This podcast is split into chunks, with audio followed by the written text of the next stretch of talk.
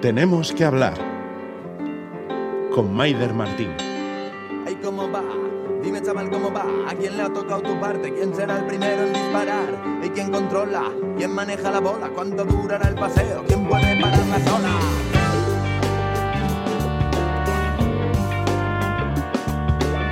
Hola, la, pues ya lo dice, este tema de Hechos contra el Decoro, que es la sintonía del programa. ¿Qué? ¿Cómo les va? Díganos, ¿cómo va? Nosotras ensimismadas en el mundo verde, tratando de encontrar la fórmula para entender un Glasgow que va a servir para cambiar muy poquito las cosas.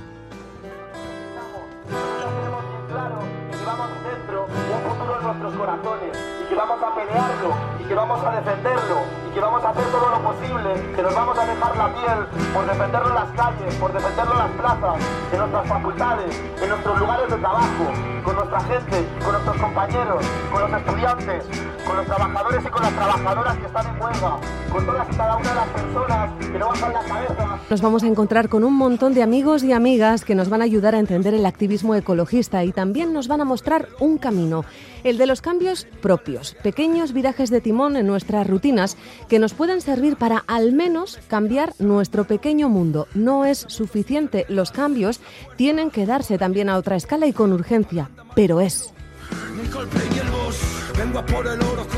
Durante esta semana nos hemos encontrado con Samuel Martín Sosa. Él es activista ecologista y experto en cambio climático. Él ha estado en la COP de Glasgow, la 26.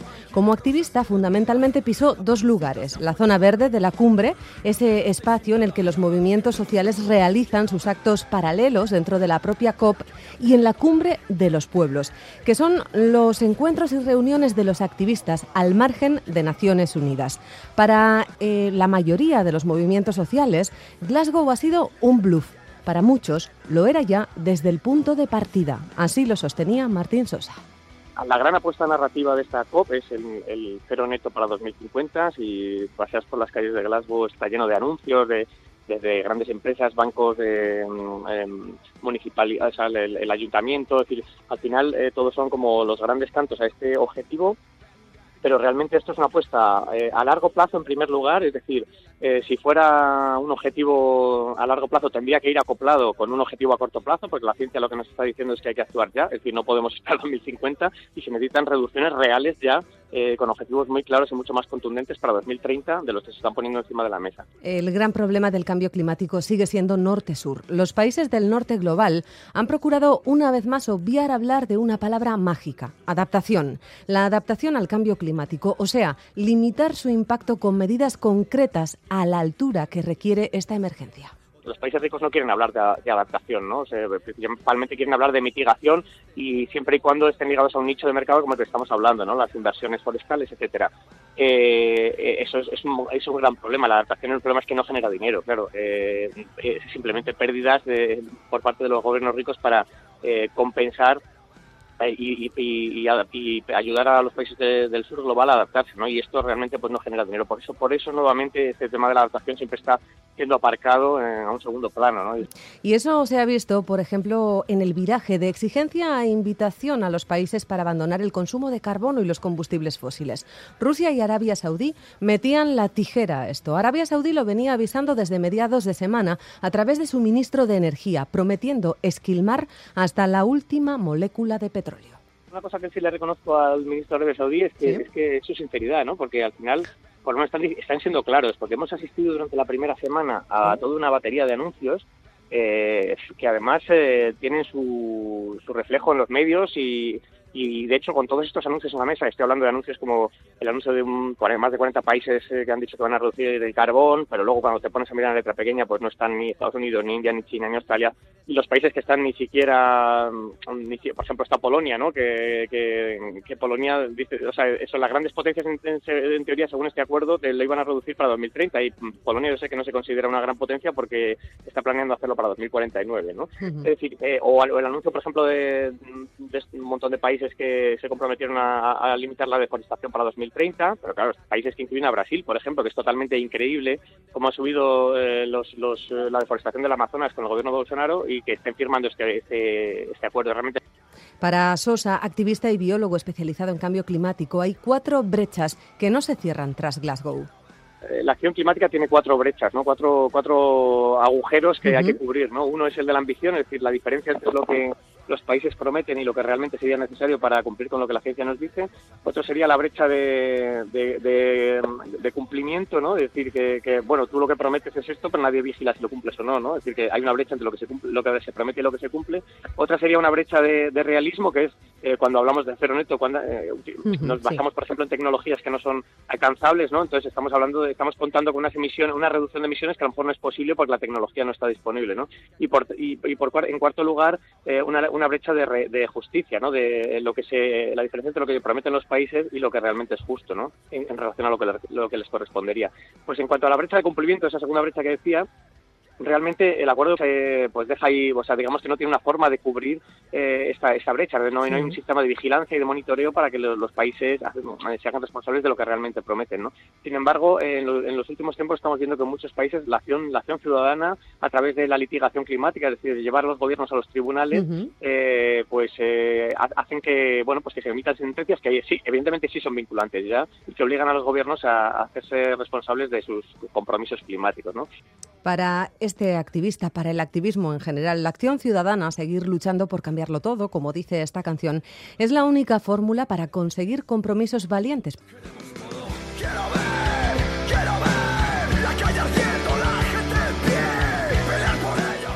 Y entre tanto, también dentro de la COP una imagen no pasaba inadvertida. Gracias a ella aprendimos a situar en el mapa un pequeño país insular, Tuvalu, en Oceanía, a 400 kilómetros de Hawái y Australia. Es el país menos visitado del mundo, repleto de arrecifes de coral un paraíso minúsculo que los fenómenos meteorológicos extremos y el mar se van a comer si no se ataja ya la emergencia climática.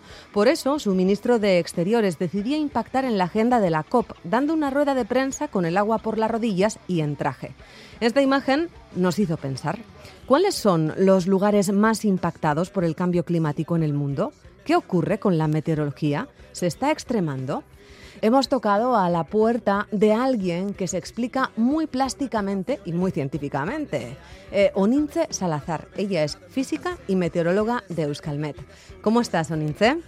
Hola, ¿qué tal? Muy bien. Bueno, ¿el cambio climático está incentivando los fenómenos meteorológicos extremos? ¿Lo podemos afirmar?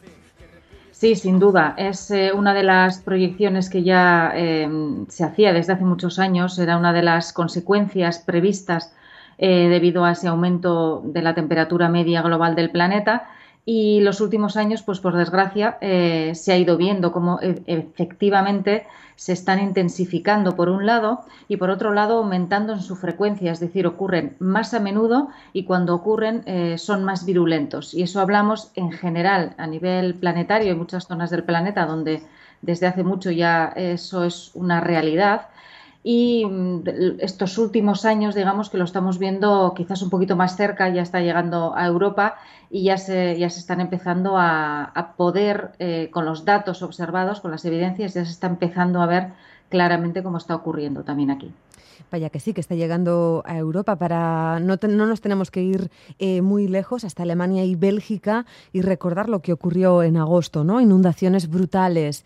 Eh, también este último año hubo una ola de calor terrible en, en Canadá.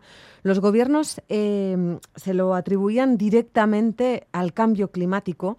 Pero ¿cómo se contrasta que es debido a esto? Porque hay que contrastarlo, esto es ciencia.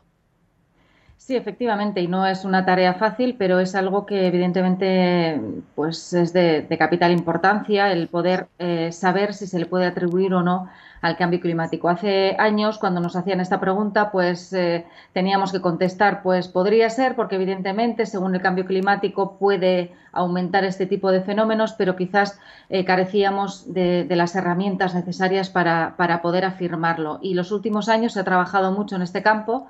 Y, hoy en día, eh, y además de forma bastante rápida, eh, bueno, pues eh, diversos centros que se, que se dedican a ello son capaces de, en no muchos días, como ocurrió en Alemania, sacar esas conclusiones en las que de lo que se trata es de determinar en qué medida el cambio climático está detrás de, esos fenómenos, de poder decir que ha sido la causa. Lo que se hace generalmente es vamos a eliminar este componente del aumento de la temperatura y ver si eso es capaz de explicar ese fenómeno. Si no lo es y necesitas incluir el efecto del cambio climático para explicarlo, entonces puedes atribuírselo al cambio climático. Y eso es lo que está ocurriendo estos últimos años, que somos capaces de empezar ya estos fenómenos a atribuirlos directamente al cambio climático.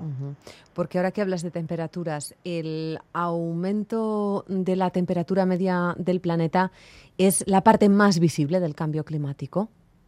Bueno, es la parte más directa porque eh, desde hace ya mm, más de 40, 50, quizás 60 años, eh, cuando se empezó a ver que los, eh, los gases de efecto invernadero que se emiten a la atmósfera, pues fundamentalmente con la quema de, combustibles fósiles, mm, claro, se empezó a estudiar y estos gases en la atmósfera, ¿qué van a poder hacer? Y se empezó a ver, evidentemente, que aumentaba la temperatura de la atmósfera debido a estos gases porque provocan ese efecto invernadero. Esto se sabe desde hace muchísimo, es la física de la atmósfera, es, lo que ocurre, de manera que, que, lo que directamente cambia, eh, digamos, eh, en primera instancia, es, la temperatura. De manera que si la temperatura media del planeta aumenta, eso lleva a, diferentes escenarios climáticos. Es decir, eh, al final el clima que, tengamos en, en nuestro planeta, aunque sean las diferentes zonas de nuestro planeta, viene determinado por una por un balance energético de, digamos, del calor, la radiación que recibe el planeta, la que es capaz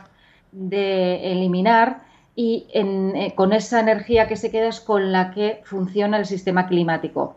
Si con estos gases de efecto invernadero lo que estamos haciendo es mm, quedarnos con más energía, el planeta se queda, acumula más energía, por eso sube la temperatura, esto hace que ya cambie el clima y a partir de ahí los cambios son, eh, mm, bueno, eh, muchísimos son los cambios que llegan detrás. Nosotros hablamos sobre todo de los fenómenos extremos meteorológicos, pero evidentemente detrás también están los cambios en, la biodiversidad, los cambios eh, debido a la deforestación, etcétera. Habría todo un conjunto de cambios, pero el que a nosotros nos ocupa, que son los fenómenos meteorológicos extremos, son consecuencia de, eh, ya de, ese aumento de la temperatura que rompe, digamos, que nos coloca en otro escenario climático. Por cierto, ¿en qué países nos tenemos que fijar para hablar de cambio climático? ¿Dónde ha dejado más huella?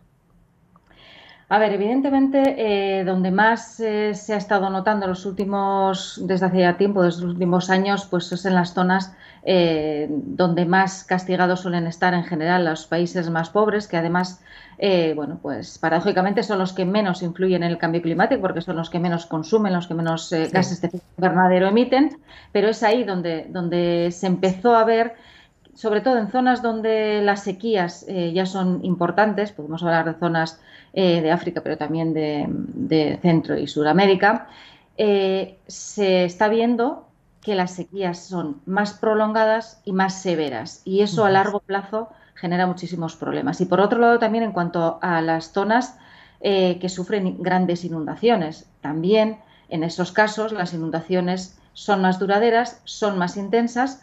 Las olas de calor, olas de calor que llevan asociadas no, tan, no solo sequías, sino que también grandes incendios forestales. Y eh, poco a poco, como te decía, a pesar de estas zonas, digamos, eh, quizás más castigadas también por los ciclones tropicales, la zona del Caribe, etcétera, ya empezamos a, percibir todos esos fenómenos extremos pues en Europa mismo también.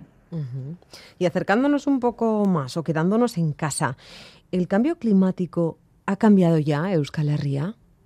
Lo que sí tenemos datos ya y, se puede afirmar sin, eh, con rotundidad es que la temperatura también aquí está subiendo, evidentemente, al igual que en el planeta, aquí a nivel eh, son también está subiendo la temperatura, especialmente la del verano, y también se está comprobando que en primavera también está subiendo esa temperatura media. Eso lo que hace es que los veranos eh, se alarguen más, empiecen antes, terminen más tarde, con todo lo que conlleva luego para la floración, etcétera. ¿eh? Pero en cuanto a las temperaturas, eh, bueno, pues lo que, lo que sí vemos que esa temperatura media ha subido, por lo tanto, la frecuencia de las olas de calor que podamos mm, tener en el futuro en principio serían más frecuentes y podrían ser más virulentas. Lo que tenemos nosotros es la zona eh, de la vertiente cantábrica afectada por el mar Cantábrico, de manera que en cuanto a las temperaturas, quizás tardaremos mucho más en notar esos efectos, sobre todo de las olas de calor. No significa que no lleguen, significa que serán más probables en la zona mediterránea y por lo tanto zonas de centro y sur de Álava y Navarra, que es vertiente mediterránea, pues tienen más eh, probabilidades de sufrir esas olas de calor y las consecuencias derivadas, como son sequías e incendios forestales, que la vertiente cantábrica. Pero la vertiente cantábrica lo que tiene es eh, cerquita, cerquita el aumento del nivel del mar, que ya se está produciendo y que evidentemente va a seguir subiendo el nivel del mar. ¿Eso qué significa? Que por un lado, cada vez que suba la marea, sube más el agua y entra más en, nuestra, en nuestros pueblos costeros, pero además llega un temporal de mar que también dentro de este, de este escenario de cambio climático, esos eh, eventos extremos de borrascas intensas que pueden acercarse y generarnos gran oleaje, eh, eso aumentará con el tiempo. De manera que si los temporales que nos lleguen van a ser más intensos, con un mar más alto, eso evidentemente lo que ocasiona son muchísimos más daños en, toda nuestra zona costera. Y por terminar, Onince, ¿Hablar de meteorología es hablar sí o sí de cambio climático o cómo, cómo están devinculados ambos conceptos? Porque la meteorología, el tiempo que va a hacer nos interesa mucho, el cambio climático ya nos es mucho más ajeno, ¿no? Nos es más ajeno, eh, bueno, pues porque evidentemente estamos hablando de conceptos que por un lado no se entienden tan bien eh, y tenemos que hacer una labor un poquito más de ir un poco más allá, porque la temperatura media del planeta es algo que no sentimos, no es un mm, valor real. Eh, de manera que tenemos que hablar un poco de no tanto de cuánto va a subir la temperatura media del planeta, sino que eso exactamente en qué se va a poder traducir en, nuestra zona. El problema también está en que hablamos de probabilidades, son escenarios a futuro eh, que están eh, cargados de incertidumbre, es decir, no podemos asegurar cuántos centímetros va a subir el nivel del mar, cuándo vamos a tener olas de calor, con qué intensidad, qué años van a llegar. Todo eso no se puede precisar y es algo que eh, va a venir a futuro, un futuro eh, que bueno, a escala planetaria es muy, muy, muy cercano, pero claro, a, escala humana, digamos, pues todavía puede tardar, eh, sobre todo en materializarse más fuertemente en Euskadi, pues puede tardar más años. Y lo vemos lejos, Mm, es, es, más difícil de percibir. Es más difícil de percibir, sí. Y como lo vemos lejos, quizá no nos toca, así que vamos a, a preocuparnos solamente por si me pongo chaqueta o no, ¿no? Esta tarde. Bueno, Unince, Unince Salazar, física, meteoróloga de Euskalmet. Ha sido un placer acercarnos contigo a los fenómenos meteorológicos extremos que al menos los hemos podido entender un poco más y mejor. Gracias por tu labor pedagógica, ¿eh? Gracias a vosotros. Besarka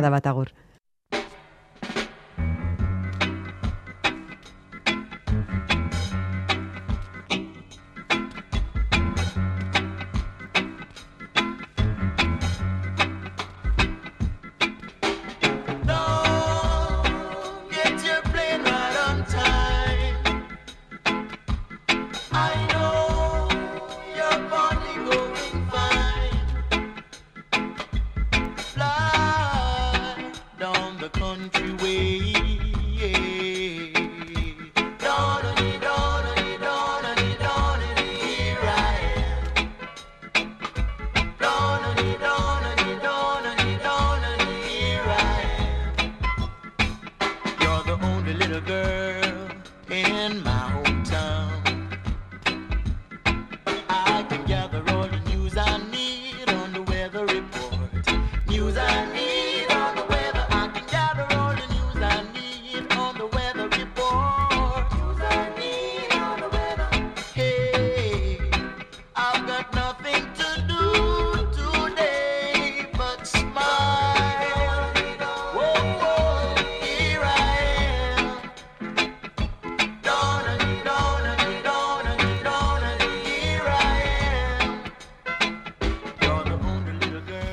Pues vamos ahora a por lo práctico, porque mientras los grandes siguen sin poner su atención efectiva con medidas reales contra o frenando el cambio climático, nosotras, las pequeñas, los pequeños, solo podemos empujar los cambios desde los movimientos sociales y ser consecuentes con ellos en nuestro día a día. Para eso, en Araba, por ejemplo, han puesto en marcha una calculadora de huella climática en la que los resultados son invitaciones a dar un giro verde a nuestra rutina. Un proyecto impulsado y pensado y repensado por ICLI, Ingeniería para la Cooperación.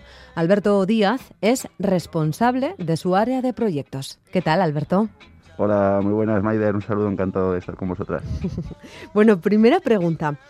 No sé si podemos decir que la huella de carbono es algo así em, como nuestro espejo en cuanto a gases de efecto invernadero, es decir, todas las decisiones prácticas y cotidianas que tomamos también dejan rastro y tienen impacto ambiental. Eso es, ¿no? Por supuesto, nuestro día a día está lleno de, pequeñas acciones eh, que también dejan su, huella. Eh, desde la manera en la, que nos movemos, eh, nuestro modelo de consumo o, cómo vivimos en casa, ¿no? También son, son pequeñas acciones que, tienen un impacto innegable ¿no? en, el medio ambiente. Em, ¿Qué tipo de emisiones hemos de tener en cuenta cuando hablamos de huella de carbono? Porque no todas son iguales. Claro, bueno, al final eh, está muy extendida ¿no? la, idea del carbono. Eh, efectivamente, em, hay otros gases también ¿eh? de efecto invernadero, como pueden ser pues, el metano o incluso el ozono. Pero bueno, el, que más efecto tiene o el que la gente, digamos, más, más oye hablar y, más está en nuestro día a día es, esta, este carbono, ¿no? este CO2 que, emitimos emisiones pues eh, de todo tipo. Pues imagínate, al poner la calefacción, por ejemplo, ahora que ya empieza el fresco, eh, una caldera... El fresco me lo dices tú que estás en Gasteiz, ¿eh? Hay que tener retranca. Aquí en Siberia estamos acostumbrados, sí. bueno, al final pues eso, ¿no? Una caldera de gas, pues imagínate, ¿no? Todo, el gas que quema... Eh, al final se, se, convierte en diferentes gases, entre ellos CO2 principalmente, que, también pues va a la atmósfera y sigue contribuyendo ¿no? a este cambio climático. ¿Cómo se mide? ¿Cómo medimos la huella de carbono? Porque es algo tan intangible, tan abstracto, ¿no? Que es difícil de aterrizarlo y vosotros habéis encontrado la manera. Eso es, ¿no? Pues sí que hay una manera técnica de, aproximarse, ¿no? También en nuestra calculadora eh, los datos tampoco son súper exactos porque harían falta eh, responder a preguntas muy concretas, ¿no? Con datos muy concretos, eh, datos técnicos, digamos, ¿no? Sin embargo, sí que se puede aproximar de una manera bastante realista eh, al final, cada acción, pues por ejemplo, movernos en coche, eh, movernos en coche X kilómetros, pues supone consumir pues también una cantidad X de combustible. Eh, bueno, pues se, sabe, hay estudios y, está totalmente calculado cada litro de combustible, por ejemplo, pues cuánto CO2 emite la atmósfera, o pues en caso, como te decía, igual, ¿no? cada lo que se queme de, gas o para caldera también se está calculado cuánto podría emitir a la atmósfera, ¿no? Entonces, de esa manera, pues es fácil, ¿no? Aplicando eh, estas reglas, eh, saber, pues, un poco estas típicas acciones que, se mueven en nuestros ejes de, impacto diario, pues, hmm. cuánto contaminan, digamos. Ya. Y vosotros lo que habéis hecho es eso, ¿no? Es crear esta calculadora para bueno, pues para saber el tipo de impacto y cuánto impacto eh, tenemos en el, en el planeta con nuestras rutinas. Em, ¿Cómo surge esta, esta iniciativa? Sí, bueno, al final eh, ahora está de moda, o por lo menos a, ratos, ¿no? Eh, el tema de la ecología, el cambio climático.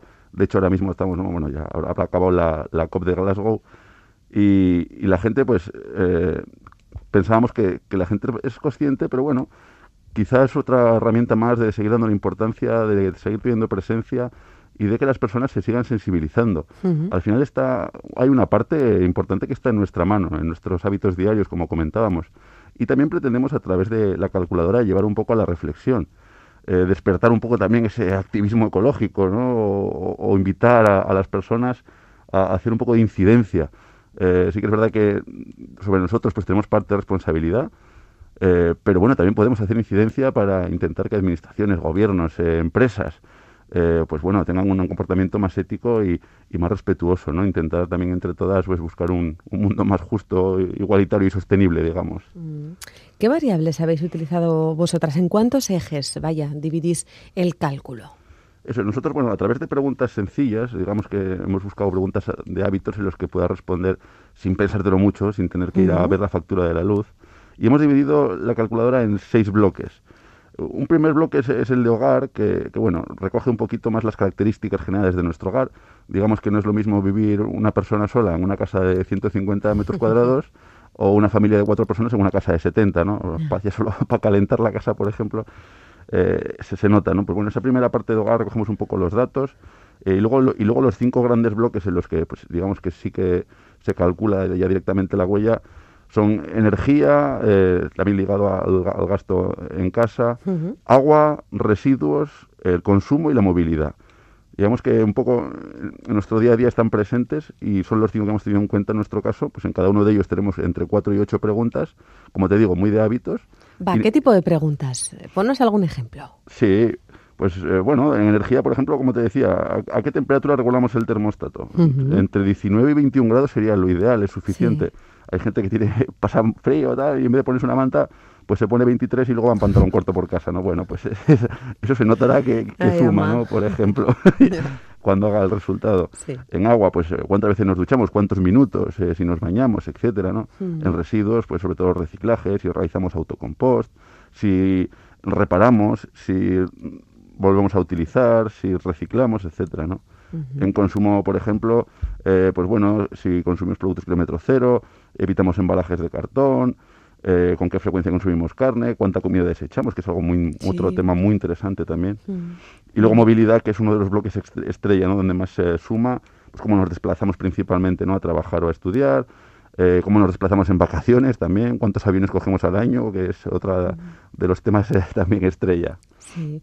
Em, ¿Es el transporte, es la movilidad lo que más impacto ecológico tienen nuestras acciones cotidianas?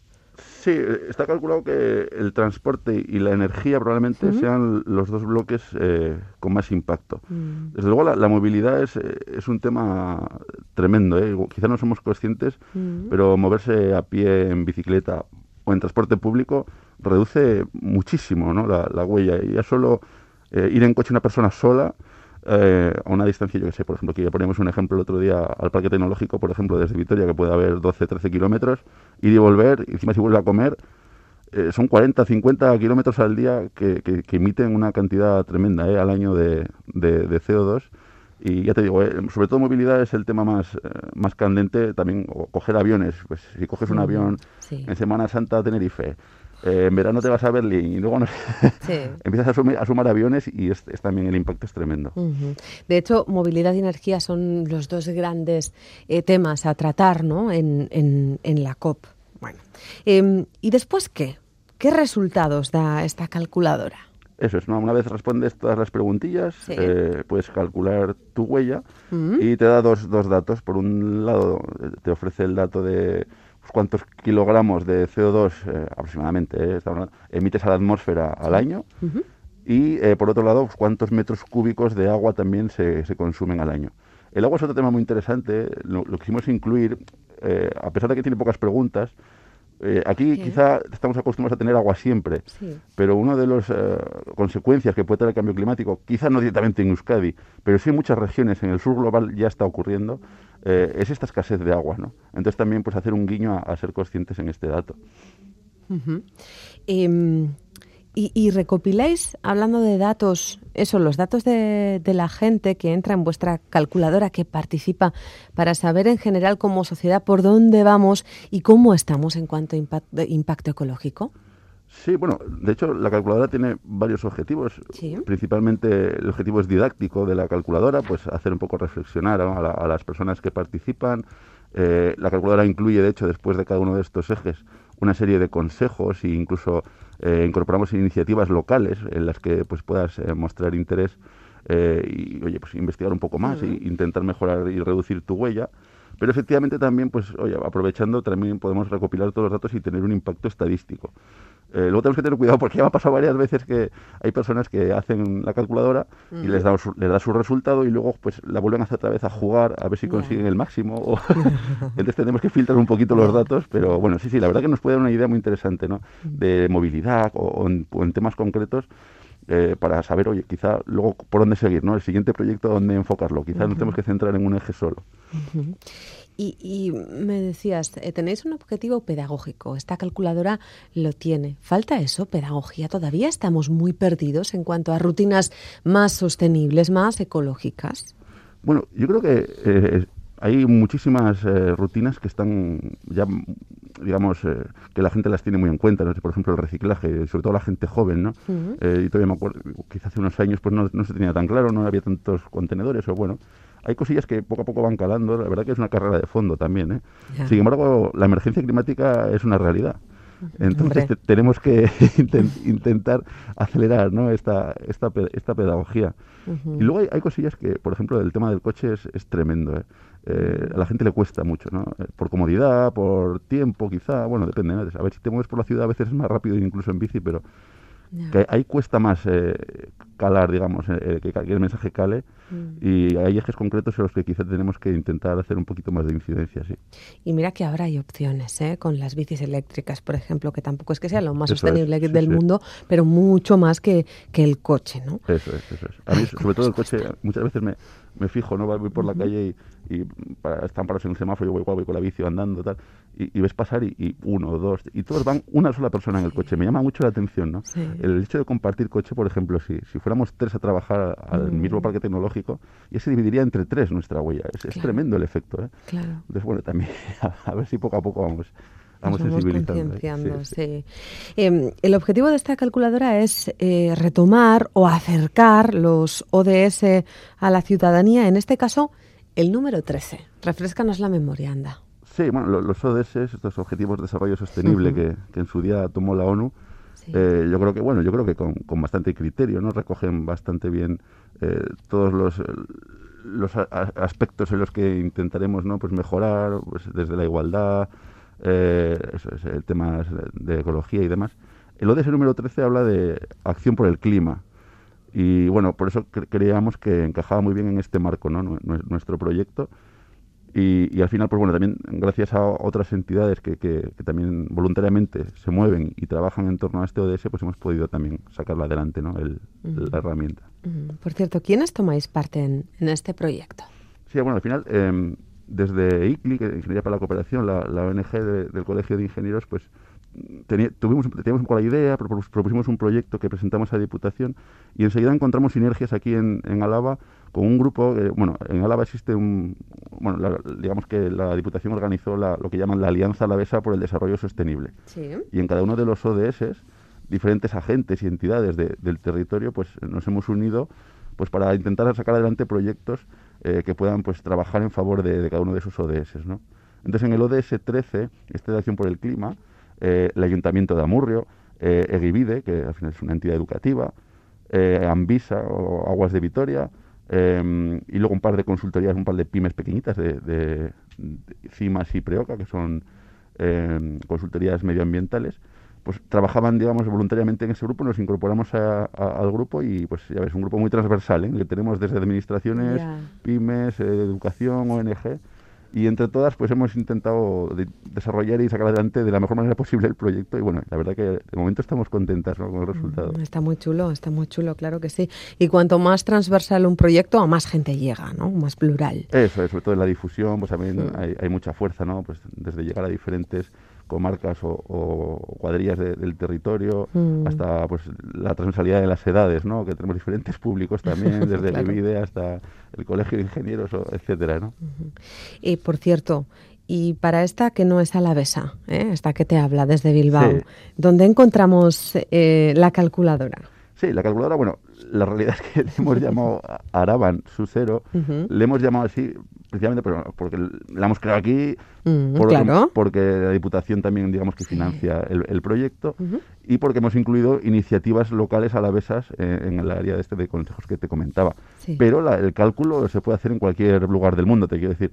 La herramienta la podéis usar en, en cualquier ciudad, pueblo de todo el planeta. Entonces, eso, entrando en bueno, www.arabansusero.eus, eh, podéis eh, hacer la, la, herramienta y bueno, también pues los consejos también son aplicables, por supuesto, y las iniciativas locales, que también seguro que existen en, en Vizcaya, en Guipúzcoa, en, cualquier lado. Y si no, pues oye, también tenéis otra idea para para intentar también poner en marcha algún tipo de iniciativas interesantes ¿no? que podamos tener aquí y compartir, que eso es interesante siempre. De momento, yo ahora que termino la conversación contigo, ya me voy a poner a cuscusear arabanzucero.eus ¿eh? para, para ver qué se cuece en este cuestionario, en esta eh, calculadora de huella de carbono. Que dejar huella está bien, pero de otro modo, ¿no, Alberto? Eso es, ¿no?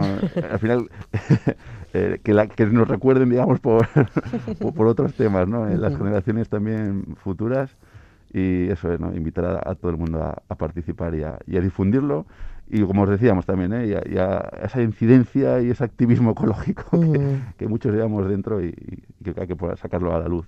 Qué bien, qué bien.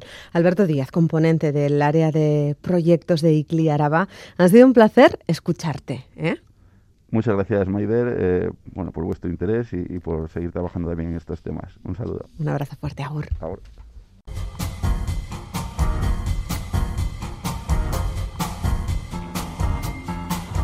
Este proyecto del que les acabo de hablar, arabanzucero.eus, está a un clic de distancia. ¿Y cuánto impacta ese clic en el medio ambiente? ¿Se han parado a pensar cuánto impacta, por ejemplo, una reunión vía Zoom o ver dos horitas de nada una peli de Netflix? Seguramente nunca como nosotras, pero en la Universidad Oberta de Cataluña le ha puesto eso y lo ha analizado. De momento, quédense con esta copla. Lo más contaminante, los vídeos en directo. Vamos a ahondar en esto con Xavi Vilayusana, profesor de los estudios informáticos de esta universidad. ¿Qué tal? ¿Cómo estás? Muy bien, ¿y vosotros? Bueno, pues aquí tirando, ¿eh? tirando en Tenemos que hablar. Y mm, lo estábamos contando hace un minuto. Resulta que ver una peli vía Netflix, HBO, Filming, a través de cualquier plataforma online, contamina y contribuye al calentamiento global. ¿Pero cómo, Xavi? Bueno, es una cosa que es un poco complicada ¿no? de, visualizar. ¿no? detrás de, nuestros aparatos, ¿no? los que sí que vemos, ¿no? detrás de una tablet o detrás de un ordenador, detrás de una televisión, pues hay una infraestructura ¿no? y una infraestructura de máquinas que son las que hacen que Internet funcione en realidad. ¿no? Entonces, estas máquinas son muchos ordenadores y muchos otros aparatos, ¿no? Switches, routers, etcétera, ¿no? Que eh, lo que hacen es, pues, se encargan de computar, de procesar y de mandarnos la información, ¿no? Por lo tanto, cuando nosotros miramos una película o escuchamos un podcast, eh, hay una máquina en algún sitio del mundo que está gestionando esa información y nos la está mandando. Entonces, estas máquinas consumen energía. Claro, estamos ante una contaminación que por eso mismo, porque no la vemos, no sé, un coche cuando arranca, cuando acelera, em, expulsa humo, podemos eh, intuir, entender que está contaminando, ¿no? Pero en este caso estamos ante una contaminación invisible. Es por eso que, es, que nos es tan absolutamente ajena a la mayoría de nosotros. Sí, además no tenemos por qué conocerlo, ¿no? Como usuarios de la, de la tecnología pero bueno, es importante que se empiece a saber, ¿no?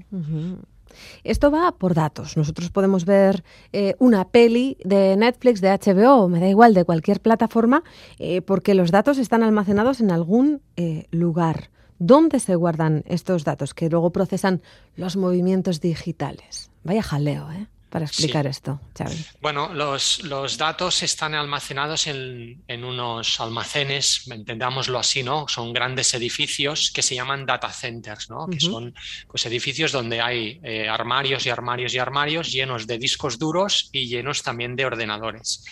Entonces, es decir, tienen un espacio físico.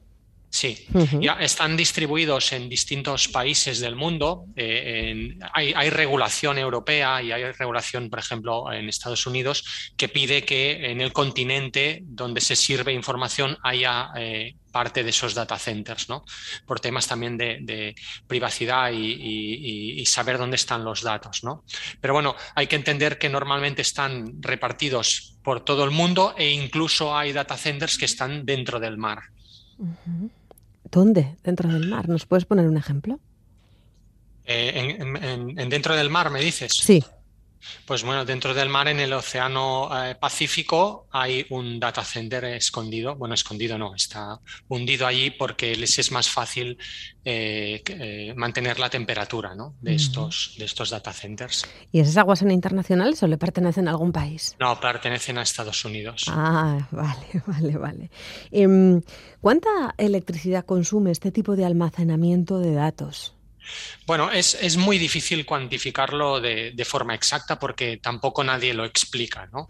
Entonces, eh, sí que nosotros hemos hecho pues, estimaciones ¿no? sobre el consumo en base a lo que consume una máquina, en base al volumen de máquinas que puede tener un data center, ¿no? Y en base al número de data centers que hay en el mundo, más, eh, bueno, el conocimiento un poco de la infraestructura. Entonces, a, grosso modo, ¿no? Toda la infraestructura de data centers, ¿no? De, y que, aguanta todo este mundo digital que, estamos ya usando a diario, consume en un año igual que todo España. Es decir, el mismo consumo energético que todo España. En un año también. En un año, sí, sí. Y esto es mucho, ¿eh? porque España es el treceavo país en el mundo por consumo. Es decir, no es un país pequeño, digamos, en, el, en consumo. ¿Solo uno de estos edificios consume lo mismo que...? No, todos ellos. Ah, todos, ellos. Sí, todos, ellos. Em, ¿Cuántos hay? No sé si se pueden contar. ¿Cuántos data centers hay?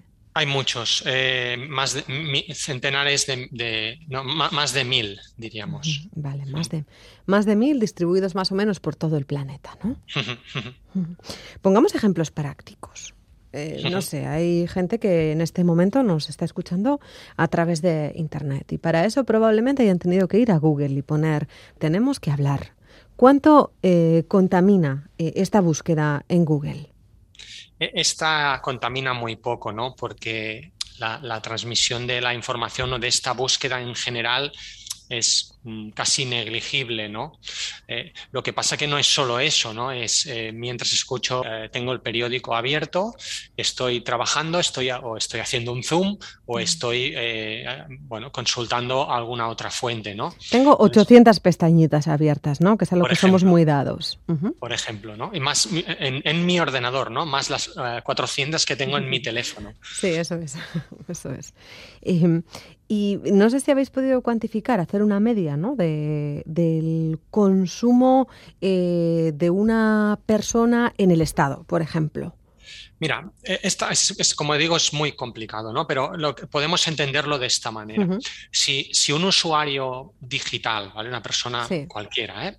que es usuaria de servicios digitales normales, ¿eh? pues ve una película en Netflix, eh, utiliza el WhatsApp, se manda vídeos o utiliza el Instagram, ¿no? Utiliza Twitter, ¿no?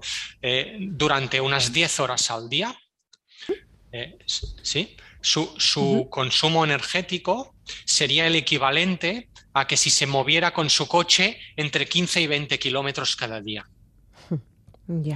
Es decir, no, consumo energético, sino el impacto en el medio ambiente. ¿no? Es decir, la contaminación que genera su actividad digital diaria equivaldría a la, a la contaminación o, a las emisiones de gases que, que, se hacen cuando viajas entre 10 y 20 kilómetros con un coche cada día.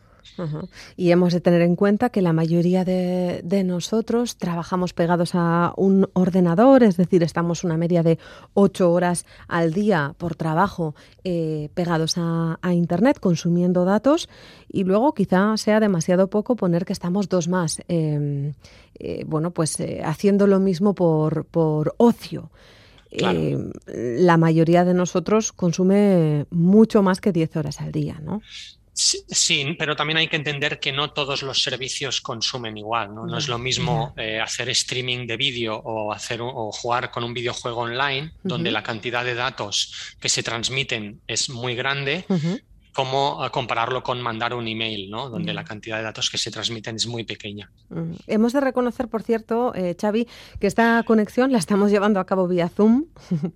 y, ¿Cuánto contamina esto? Eso sí, lo estamos haciendo con la cámara apagada. ¿eh? E, esto contamina poco, ¿no? si utilizásemos la, cámara, eh, contaminaría un poquito más, pero tampoco es lo más significativo, ¿no? Eh, hay, otras acciones, ¿no? Como por ejemplo el procesado del lenguaje natural, ¿no? Cuando hablamos con Alexa, por ejemplo, o cuando miramos contenido en alta definición, ¿no? Esto tiene un impacto mayor que no una llamada de audio o incluso con un vídeo de baja definición. Alexa nos sale ambientalmente cara entonces, ¿no? Sí, porque el procesado del lenguaje natural es una tarea compleja, ¿no? Que requiere muchas máquinas, ¿no? Al final esas máquinas tienen que reconocer palabras, ¿no? Y, cada uno tiene, cada persona tiene su acento, tiene su entonación, ¿no? Y por lo tanto ahí hay algoritmos de inteligencia artificial que consumen muchos recursos para eh, poder entender lo que o poder clasificar las palabras ¿no? que se dicen. ¿De cuántas máquinas requiere este eh, cambio de idioma, de eh, bueno, pues en nuestro idioma natural al de los ordenadores, al de los unos y ceros? Esto hay algunos estudios, ¿no? Eh, depende mucho también del, tipo de, procesado que se haga, pero podemos estar hablando de decenas o centenares de máquinas para procesar eh, la voz de una persona. Decenas o centenares de máquinas. Y no somos conscientes de ello. Bueno, y, esta tarde más de uno y más de una se pondrá una peli en su plataforma habitual y se comerá unas palomitas. ¿Esto cuánto nos cuesta? Ponle que vemos una peli en Netflix. Una peli, Netflix cuantifica ¿no? el, impacto de, una película eh, con 55 gramos de CO2 por hora. ¿vale? Esto en realidad ah, parece muy poco, pero tenemos que pensar que Netflix tiene más de 200 millones de usuarios, ¿no? Entonces, eh, el consumo no es, eh, no es menor. No, no, en absoluto, en absoluto. Eh, imagino además que estos consumos se han tenido que implementar especialmente durante el confinamiento. Hemos estado más aislados y hemos requerido más de, de ordenadores, ¿no? Sí, pero tampoco hay que culpabilizar al usuario final, ¿no? Al final la, sociedad evoluciona hacia una digitalización, la digitalización nos trae beneficios y esto es eh, totalmente obvio, ¿no? Eh, tenemos mejor entretenimiento, eh, podemos, tenemos más comodidades, ¿no? Por lo tanto, no hay que culpabilizarlos, ¿no? sino lo que hay que hacer es ser consciente, ¿no? Conocer que esto no es gratuito y luego, pues, pedir, ¿no? como usuarios que estas, estos proveedores de servicios o incluso los gobiernos regulen para que esto se haga de la mejor manera posible, ¿no? porque hay espacio de mejora. Y hablando de espacio de mejora, Xavi, ¿la digitalización puede ser ambientalmente más sostenible? ¿Tenemos que viajar hacia ahí o no hay manera? Sí, no, y, lo será, ¿no? Eh, de, hecho, ya hay algunos proveedores que están comprometidos con esto, ¿no? Y por ejemplo, pues compran energía verde, ¿no? Compran energía renovable y aseguran que sus máquinas están, eh, digamos, alimentadas por energía renovable, ¿no? Incluso grandes eh, proveedores, ¿no? Lo que hacen es no solo utilizan energía verde, sino que financian el desarrollo de las energías verdes para que crezca el digamos, el despliegue de estas energías para que haya más proyectos y, eh, por lo tanto, pues sea cada vez más fácil conseguir esta energía, ¿no? Pues por supuesto tenemos que atender también a esto como contratadores de estas plataformas. Eh, por cierto, eh, otro compañero y tú habéis elaborado un estudio sobre huella digital. Em, de eso es de lo que estamos hablando, lo habéis hecho para la UOC, donde trabajáis. No sé si se ha concretado, si se ha materializado en, en algo. ¿Cómo ha ido ese estudio? Bueno, nosotros eh, el estudio al final eh, lo que intenta es primero ah, dar a conocer el problema ¿no? y también eh, pues proponer un conjunto de, acciones sencillas ¿no? desde, desde la perspectiva del usuario, pero también desde la perspectiva de las organizaciones que les permita pues un poco incorporar en sus políticas y, también en el uso diario que hacemos de los sistemas digitales pues pequeñas acciones que, que permitan pues, bueno, contribuir un poco a la mejora de estos sistemas. Eh, dinos alguna, vamos a acabar la conversación así. ¿Qué podemos hacer eh, nosotras como usuarias? Eso es, a ver. Sí. Como, usuarios, pues mira, una muy sencilla, ¿no? Y que creo que eh, cuando la diga todo el mundo dirá, pues sí. A ver. Cuando, cuando nosotros nos descargamos un fichero de internet, ¿no? El que sea, ¿no? Un PDF, el manual de nuestro, yo qué sé, de nuestro lavavajillas. si otro día lo volvemos a necesitar, lo más fácil que es pues ir al Google ¿no? y volverlo a buscar y volverlo a descargar. Bueno, pues esta acción tan sencilla como irlo a buscar al disco duro en lugar de irlo a buscar a Google, pues esto sería una acción que eh, reduciría un poco nuestra, nuestra contribución. ¿no? otras cosas que podemos hacer, ¿no? que también a veces mm, son, obvias, ¿eh?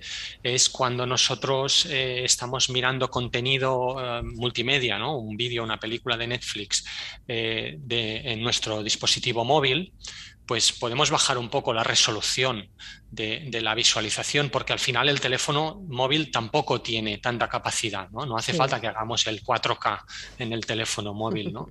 Porque no vamos a ver mucha diferencia con un, Full HD, ¿no? Por ejemplo. Entonces, bueno, pues esto a lo mejor estamos dividiendo por cuatro la cantidad de, de datos que estamos usando, ¿no? Bueno, pues vamos a ver si empezamos a tener conciencia también cuando utilizamos nuestros ordenadores y nuestras plataformas eh, digitales.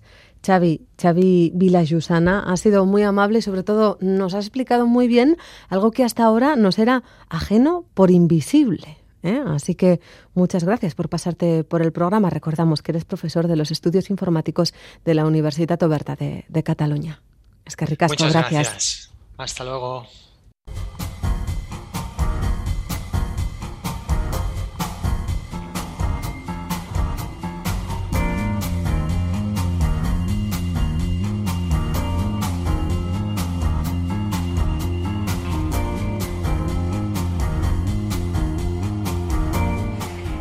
Lo mejor para el final, amigas, lo oculto, la Big Data y su contaminación y el control de nuestros datos. Pero esto ya es harina de otro costal y sobre todo de otro programa. El de esta semana termina aquí, deseándoles que pasen del pensamiento a la acción verde que te quiero verde. En siete días, más madera. Entre tanto, Ondo y Billy.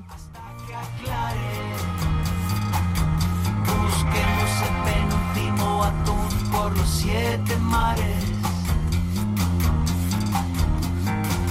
nadie existe si no es noticia.